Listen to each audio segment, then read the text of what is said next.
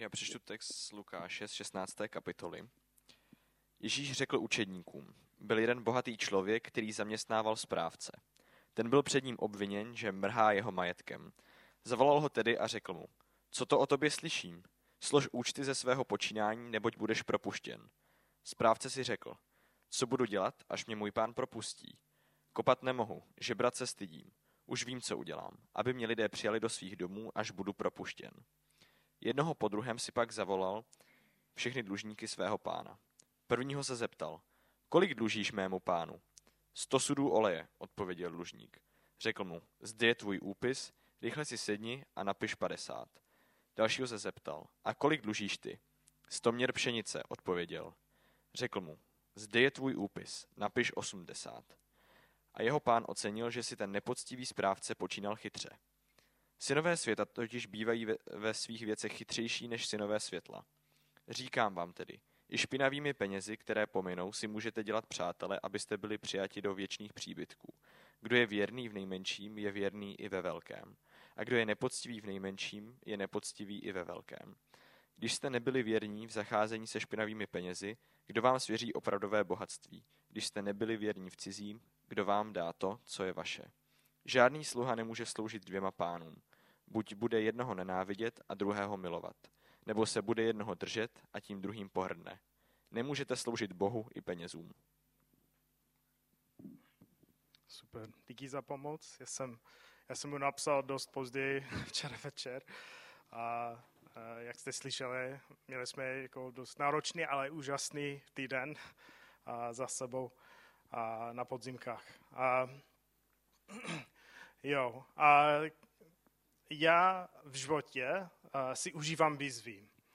A, když jsem se přestěhoval do České republiky, a hodně lidí mi říkali, že, říkalo, že čeština je fakt těžká, že většina Američanů tady žije spoustu let a ani nezvládnou udržet nějakou konverzaci v češtině. Tak a, když jsem tohle slyšel, měl jsem takový postoj jako výzva přijata. Jo? Ale asi před měsícem jsem si připravoval zamýšlený na porost a narazil jsem te, na dnešní podobenství. Hned jsem věděl, že to je těžké pasáž. A, ale měl jsem stejný postoj jako výzva přijata. Jo? A, ale když jsem si vyhledával různé informace o téhle pasaži, uvědomil jsem si, že tohle podobenství je mnohem složitější, než jsem původně myslel. Uh, tak jsem na porostě použil podobenství z, z kapitoly předtím. Uh, to znamená, že pokud chodíte na porost a, a poslouchali jste, jak jsem mluvil o Lukášovi 15, uh, tak dnes uslyšíte druhou část. Um, ale Lukáš 15, 15 kapitole je, je tady vlastně hrozně důležitá, protože předcházíte dnešní pasaži. A v Lukášovi 15 jsou tři podobenství o ztracených věcech. Ztracené ovce, ztracené mince a ztracený syn. A Ježíš v nich mluvil ke svým učedníkům, a, a to byli ti, kteří ho nasledovali, a, a taky k a, farozejům, a, což byli ti, jako naboženství učitele, kteří ho moc neměli rádi. A v každém z těch příběhů Ježíš mluví o radosti a o slávě v nebi, když nějaký hříšník činí pokání. A, tak máme tady tři verši o tom. Jo? Tak sedmý verš říká, říkám vám, že právě tak bude v nebi větší radost nad jedním hříšníkem činí pokání, který činí pokání, než na 29 spravedlivými. kteří pokany nepotřebují. A říkám vám, že právě tak je radost před božími anděli nad jedním hříšníkem, který činí pokány. 23. Otec ztraceného syna říká, přivečte vykrmené tele a porazte je, jezme a oslavujeme. A pokud uh, si pamatujete příběh ztraceného syna, uh, tak tam byl starší bratr. A on odmítal radovat, když se navratil jeho mladší bratr. Tímto příběhem nám Ježíš ukazuje, jak postoj bychom měli mít, když někdo nesleduje Boha tak jako my. tak a Ježíš dává do kontrastu ten postoj, co měl ten starší bratr, teda ty farozejové, a, a s tím postojem, co měl Bůh. A, teda spíš ten otec, jako teda Bůh. Jo? Tak a, i když dnešní pasáž je v další kapitole, a tohle je kontext, do kterého Ježíš sdílí to, toto velmi těžké podobenství. Když se psala Bible, tak neměla žádné kapitoly ani verše. A tak a my můžeme mít pocit, že obě kapitoly jsou oddělené, ale vlastně jsou hned vedle sebe. Takže Ježíš mluví k učedníkům a farozeum, ale soustředí se hlavně na učedníky. A když jsem toto podobenství studoval, zjistil jsem, že i pro odborníky je to jedna z nejtěžších částí k porozumění. Pokud byste si přečetli pět různých komentářů o tom podobenství, tak byste asi slyšeli pět různých názorů. A tak bych chtěl na začátek říct, že nemám jediný správný nebo nejlepší způsob, jak si toto podobenství vykládat, ale myslím, že abych mohl mít kazany, tak se prostě musím pro jeden rozhodnout. Tak jsem si vybral a pokusím se mluvit o jiný, i o jiných názorech.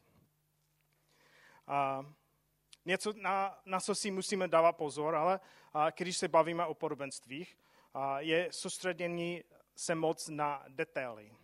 Tak někdo, se, někdo může být pokušený a ptát se, co reprezentuje ten olej, a, anebo co reprezentuje ta pšenice. Někdo se mohl ptát, proč prvním, prvnímu dluže, dlužníkovi bylo opuštěno 50% dluhu a druhému jenom 20%. Já si ale myslím, že tyto detaily nebyly tak důležité pro tu jednu myšlenku, kterou Ježíš učil. Když se snažíme porozumět tomuto podobenství, pravděpodobně věč, největší otázka, na kterou si musíme odpovědět, je, jestli verš, verše 10 až 13 patří do tohoto podobenství, anebo jestli jsou nějakou druhou myšlenku, která navázuje na první část. Tak pokud patří do podobenství, tak Ježíšova lekce přichází ve verších 9 až 13 a podobenství je o starání, starání se o peníze. Pokud tyto verše nejsou jedinou myšlenkou, tak máme podobenství ve verši 1 až 8 a verš 9 je jednou myšlenku, tu jednu myšlenku, kterou máme z tohoto podobenství a potom ve verších 10 až 13 máme druhou myšlenku, která rozvádí tu první. To je podobné jako v Lukášovi 15, kde vidíme tři jednotlivé příběhy, které mluví o jedné myšlence, ale poslední z nich přidává svou vlastní výzvu, který zdora, zdora, to je těžké to slovo pro mě, zdorážňuje postoj staršího bratra. Jo? A tímto směrem a dnes budu směřovat, což je, že verš 1 až 9 jsou jedným podobenstvím a verš, verše 10 až 13 jsou další myšlenkou, kterou rozvádí stejnou pointu. Tak pojďme se tady podívat na to podobenství. První dva verše přečtu. Ježíš řekl, uh, jo, máme tady, jo. Ježíš řekl učedníkům, byl jeden bohatý člověk, který zaměstnával správce. Ten byl před ním obviněn, že mrhá jeho majetkem. Zavolal ho tady a řekl mu, co to o tobě slyším. Slož účty za svého počínání, neboť budeš propuštěn. Dobře, tak zastavíme se o bohatého člověka. V dnešní době, když si představíme bohatše, tak vidíme někoho, kdo miluje peníze a podvádí druhé lidi. V jejich době ale, když byl někdo bohatý, tak to bylo znamený poženaný od Boha, že poslouchal Boží přichází. A, tak a bohatý člověk byl spravedlivý člověk. A tohle je to, co cítili Ježíšovi posluchači, především farozejové, když Ježíš zmiňuje bohatého člověka. On je tak bohatý, že má správce, které se mu stará o jeho majetek, ale o svém správci se doslechl špatné věci a ví, že jsou pravdivé. A tak si ho k sobě zavolá a ptá se, co je to za věci, které o tobě, tobě slyším. Tak můj syn se ještě narodil, čekáme ho až v prosinci, ale když jsem byl já dítě, a rodiče by si mě zavolali do pokoje a řekli by mi něco jako, co jsme se to o tobě dozvěděli. Tak bych reagoval dvěma způsoby. První je, promiň mami, nemyslel jsem si, že to bude problém, ta snickerska, co jsem, co jsem vzal, stále jenom 24 korun. A mama by řekla něco jako, aha, takže ty si dokonce i něco ukradl. Jo? to je ta, taková taktika, a kdy se rodič dozví víc, než původně věděl. Jo? Um, druhá reakce, která je asi modřejší, vypadala, vy, by vypadala asi tak, že bych prostě mlčel a nic neříkat. Jo? A, a měl bych asi takový postoj, jako mamka už ví něco o tom, co jsem udělal, nevím, co ona ví, a tak si to nebudu dělat ještě horší. A, a, a čím víc starneme, a tím víc je většinou moudřejší a na, naučíme se, a, že jsme moudřejší, jo, doufejme. A, a, že v, a víme, že v určitých situacích je lepší mlčet, než a, se přiznat k dalším věcem. Jo. A taková je, taková je reakce i tohoto správce. Jo. Tak ten, ten bohatý muž, protože je milostivý, a nejzavře toho správce do vězení za jeho zlo, zločiny, nebo z něj ani neudělá utroka, aby odpracoval zpět své peníze. Ale prostě ho vyhodí. Už mu dal, nemůže být svěřen majetek toho bohatého člověka. A od této chvíli je správce vyhozen a nemá právo udělat to, co se chystá udělat. A, tak když si správce odchází, a vyzvednout své dokumenty, tak má chvilku sebereflexy a to je upřímné sebereflexy. Kopat nemohu, žebrat se stydím. A, tak začne plánovat svou budoucnost, aby se zajistil. Ve verši 5, máme tady, jo, super. A, tak ve, ve verši 5 čteme, jednoho po druhém si pak zavolal všechny dlužníky svého pána. Prvního se zeptal, kolik dlužíš mému pánu? Ale představte si, že váš šéf byl právě vyhozen a zavolal si vás k sobě a se po vás, abyste sehnali další pracovníky, protože si mi chce mluvit. Jak byste asi reagovali? V angličtině máme frázi go kick rocks. Prostě jdi kopat kameny. Takhle to vypadá. Okay? Jako prostě už pro tebe nepracuju, nebudu tě poslouchat. Ty jsi vyhozen. Ale tady to se nestane. A ostatní pracovníci ještě neví, že jejich nadřízený byl vyhozen. Proto si je k sobě zavolal jednoho pro druhém, aby se mezi sebou nemohli nic říct nebo nezjistili, co se děje. Co se týče opuštění jejich dluhů, je několik teorií. Jak to, a, tak já teď řeknu tři teorie. Jo? Tak někdo tvrdí, že to byla možná provize. Takže ten správce se vzdává části svého platu, co by asi nedostal stejně, a aby se vylepšil reputaci u ostatních dlužníků. Ale o tom v tom příběhu ne, nic nečteme a ten bohatý muž je obchodník a ne výběrčí daní. Proto myslím, že tohle není správný způsob, jak bychom si měli dívat na toto podobenství. Někdo zase říká, že a, ty odepsané části dluhu byly úroky, které byly přidány později. Podle, židovského, podle židovského zákona byly úroky ilegální. To znamená, že jeho pán by nebyl tak dobrý a přidával by úroky k jejich duchům. A tak ten správce chtěl udělat něco spravedlivého a, a upustit tyto úroky dlužníků. Tato teorie se snaží ospravedlnit jednání nejpoctivého správce. jako něco, to je, jako on dělá něco ušlechtilého. Ale v tom příběhu zatím vidíme, že ten bohatý muž je ten ušlechtilý a správce je, je ten, kdo promár, promárnil majetek svého pána. Takže myslím, že ani tohle není správný způsob, jak si vykládat tento příběh. Já si spíš myslím, že to bylo takové setkání, kdy si správce sednul se svými pracovníky a říká něco jako, hej, vím, že máme za sebou těžký rok. Neměli jsme moc velkou úrodu, a tak si tady rychle napište menší vyšší vaho, vašeho dluhu a, a pojďme se vrátit do práce. No.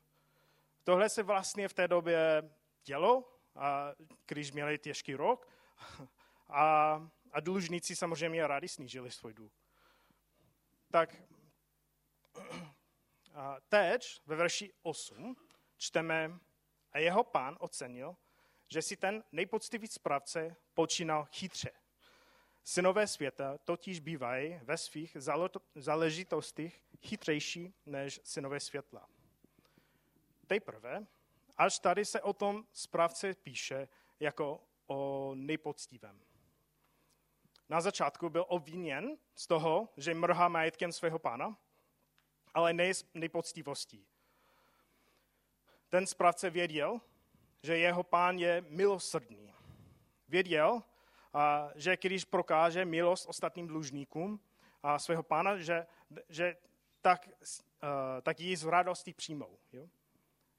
Ten pán by mohl potom říct všem, že to nebylo legální, co on udělal, ale ten správce věděl, že jeho pán si bude vážit této milosti, protože byl sám milosrdný. Tento správce v podstatě vložil, vložil svou celou budoucnost v milost svého pána. Když dostal výpověď od svého pána, nejsnažil se omlouvat ani dávat slabné, prázdné sliby, ale ne, on spíš použil tu pozici, co dostal od svého pána, použil ty peníze, co měl na starost od svého pána a vložil svou celou budoucnost na milost svého pána. Ježíš tohle řekl učedníkům i farozejům. A farozejové měli už dlouho na starost boží zákon, byl jim svěřen i majetek, který jim dal Bůh a oni ho promarnili. Přišel ale Ježíš a bylo na čase předvolat si správce za jejich špatné zpracovství. Jediné dobré nebo chytré rozhodnutí v takovou chvíli bylo spolehnout se na milost svého pána. Ježíš často používá kontrasty ve svých podobenstvích.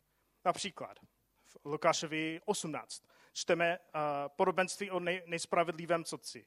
Pokud nejspravedlivý soci by naslouchal této ženě, o co víc by Bůh, který je spravedlivý, naslouchal tomu, kdo k němu přijde. Tady je stejné. Tento nejspravedlivé správce rozumí tomu, že musí spolehnout na milost svého pána pro svou budoucnost. O co víc bychom měli my spolehnout na milost našeho Boha pro naši věčnou budoucnost. Ne na naše majetky, ne na naše úspěchy. Všimněte si, že ten nejpoctivý správce nejen mluvil o tom, co udělá, aby si zajistil svou budoucnost, ale místo toho opravdu šel něco udělat. Naše spása přichází jedné skrze víru v Krista. Nikdo si nemůže koupit místo v nebi. Ale víra ukázaná na skutcích znamená eh, poslušnost velkému poslání, které nám dal Ježíš, abychom šli a činili učedníky ze všech národů. Proto Ježíš učí v devátém verši, říkám vám tedy, i špinavými penězi, které pominou, si můžete dělat přátelé, abyste byli přijati do věčných příbytků. Když si tento verš přečtete poprvé, zní to jako podváděj a kráč, abyste, aby získal peníze a poplač své přátelé, aby se dostal do nebe. a jak si se tady na chvíli zaměřit na každou část, verš 9, pojem špinavé peníze je tady v kontrastu se spravedlivým bohatstvím, které můžeme mít v nebi. Jo? Tak nasledující fráze v tom verši říká, jako, jak tyto špinavé peníze pominou. Tak rozhodně se tady nepíše, že je možné si koupit místo v nebi. Všechno špinavé bohatství nebo nejspravedlivé bohatství na, toto, na tomto světě pomine. Není možné si koupit věčný život a žádný peníze nás nezachrání před smrtí. A když tyto věci selžou, a oni selžou, a co je nejdůležitější? Že jsme přijati do věčných příbytků. V řečtině, uh, oh, sorry, uh, na konci toho verše, uh, v Bible 21 chybí jedna část. Um, místo, abyste byli přijati do věčných příbytků, v řečtině to je spíš jako, aby oni přijali vás do věčných příbytků. tak je otázka, kdo jsou oni. A, a mohli by to být anděle a Bůh, stejně jako v Lukášovi 15, když říšník činí pokány. Nebo by to mohli být ti lidé, které jsme ovlivnili ke Kristu díky našim špinavým penízům. Já osobně si myslím, že to je spíše to druhé. Že my chceme vidět i naše blízké, jak nás vítají na věčnosti. Tak abych shrnul celé podobenství o nepoctivém správci, využijte materiální bohatství, které vám dal Bůh pro účely věčnosti. Naše přirozená reakce na takovou lekci může být, takže to asi znamená, že když mám hodně majetku, tak můžu být o to víc užitečný pro Boží království. To znamená, že musím vydělávat co nejvíc peněz, abych později mohl být ještě věci věci, a, a, a, abych později mohl dělat ještě věci věci.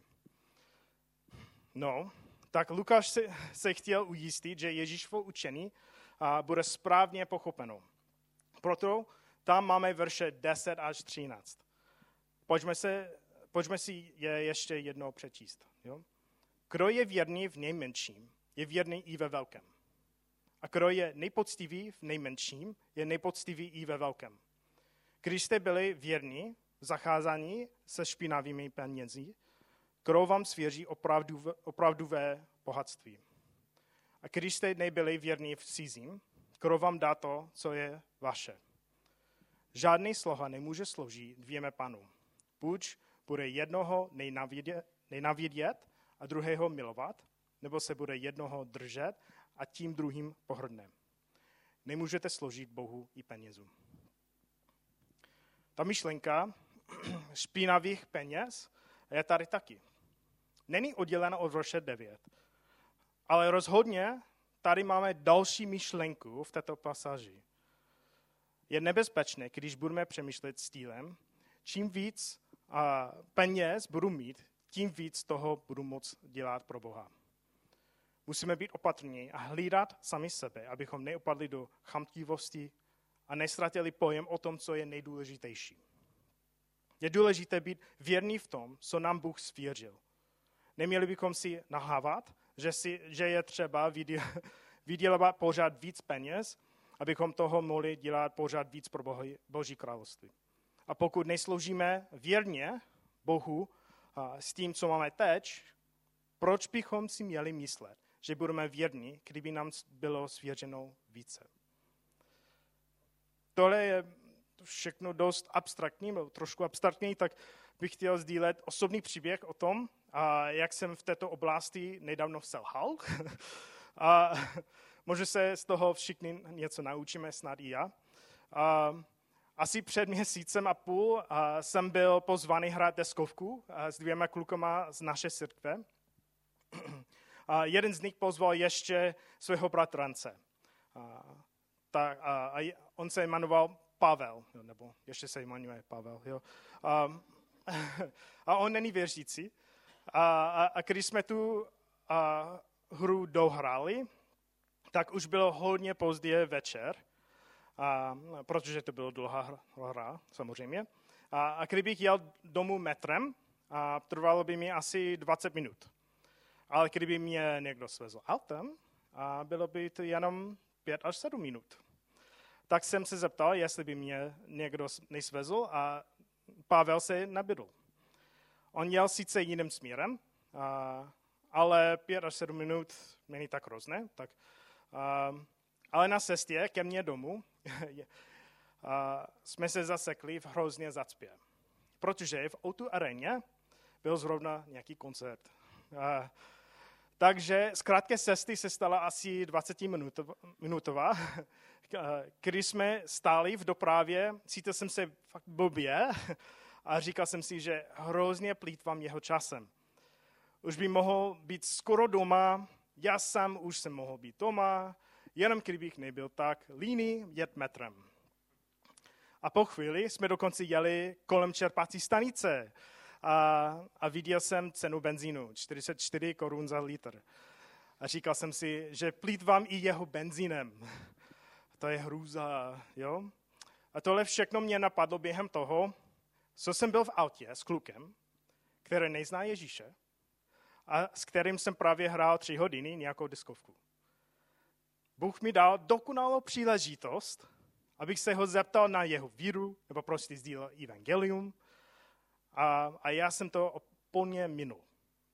Minul jsem to, protože jsem myslel na to, jak kvůli mě, plít, jak kvůli mě plítá uh, drahým benzínem. Jo?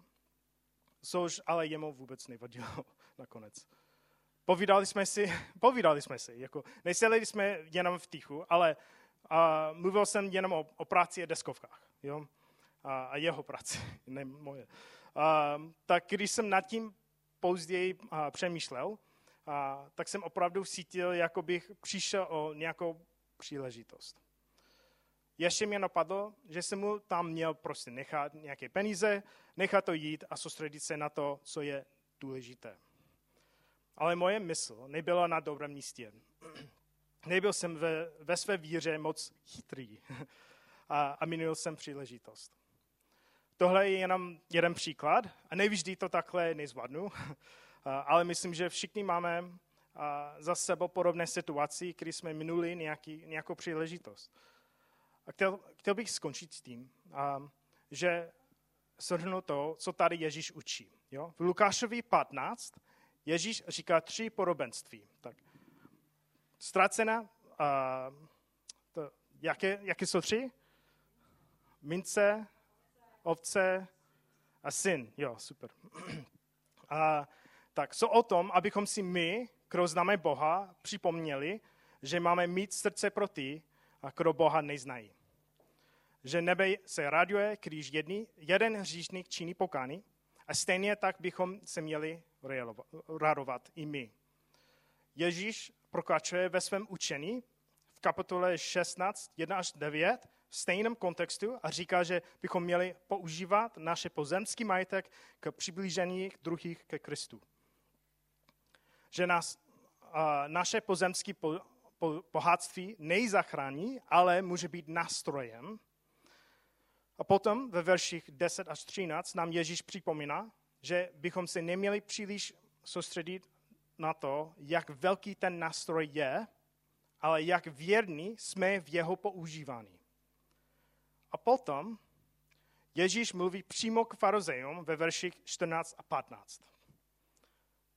Ale to všechno slyšeli i farizejové. Měli rádi peníze a tak se mu vysmívali. Ježíš jim ale řekl, vy chcete před lidmi vypadat spravedlivě, ale Bůh zná vaše srdce. Co je u lidí vznešené, je v božích očích obhavnost. Ohavnost. myslím, že ten kontext, který, který vidíme, nám pomáhá rozumět tomuto podobenství. Farozejové se příliš soustředili na tento nástroj, který byl daroven od Boha. Na tyto pozemské majetky, které máme na krátkou dobu svěřené. Pro ně ten, kdo měl nejvíce majetku, byl nejvíce spravedlivý. A právě tato sebespravedlnost byla to, na co se soustředili nejvíc. Ale jejich srdce bylo na špatném místě. Vám, kdo tu jste jako nasledovníci Ježíše, chci připomenout, že Ježíš přišel, aby našel ty, kdo potřebují pomoc. V našich životech jsou lidé, kteří potřebují Krista. Potřebují naději, potřebují slyšet evangelium. Měli bychom využívat našich majetků a každé situaci v životě, abychom ukázali lidem kolem nás na Krista. Chci vás vyzvat, abychom přemýšleli nad tím, jak můžeme být vědní s těmi věcmi, které už máme od Boha. Jak můžeme použít tyto věci, abychom ovlivnili ostatní ke Kristu. Pokud jste tu dnes a nejste na, nasledovníky Krista, nebo si možná nejste jistí, a Ježíš vás hledá. Bůh poslal svého syna, Ježíše, aby zemřel za naše hříchy. Abychom mohli mít správný vztah s ním. Tento život a věci tohoto světa jednou zanikou. Peníze nás nezachrání, sebespravedlnost nás nezachrání a všichni máme v životě hřích a všichni potřebujeme Ježíše. A pokud byste se o tom chtěli s někým bavit nebo se modlit za přijetí Krista, tak tady předu budou vedoucí, za kterými můžete přijít. Tak teď zvu vaš, naše chválíče a myslím, že budeme zpívat ještě dvě písničky a jestli nějaký vedoucí nebo a můžou přijít dopředu, můžeme mít čas na modlitbu a, a pomolním se a budeme pokračovat. Pane Bože, díky za dnešní den, díky za, za to, že můžeme tady být spolu osobně. A, a, a díky za tvoje slovo. A, a díky za, za, tvou, za to spravedlnost, co dostáváme od, od tebe. A, molím se, aby, abychom měli ty oči pro, pro ty, kteří potřebují tě. Ty jsi dobrý Bůh, ty jsi dobrý Otec. Milujeme tě. Amen.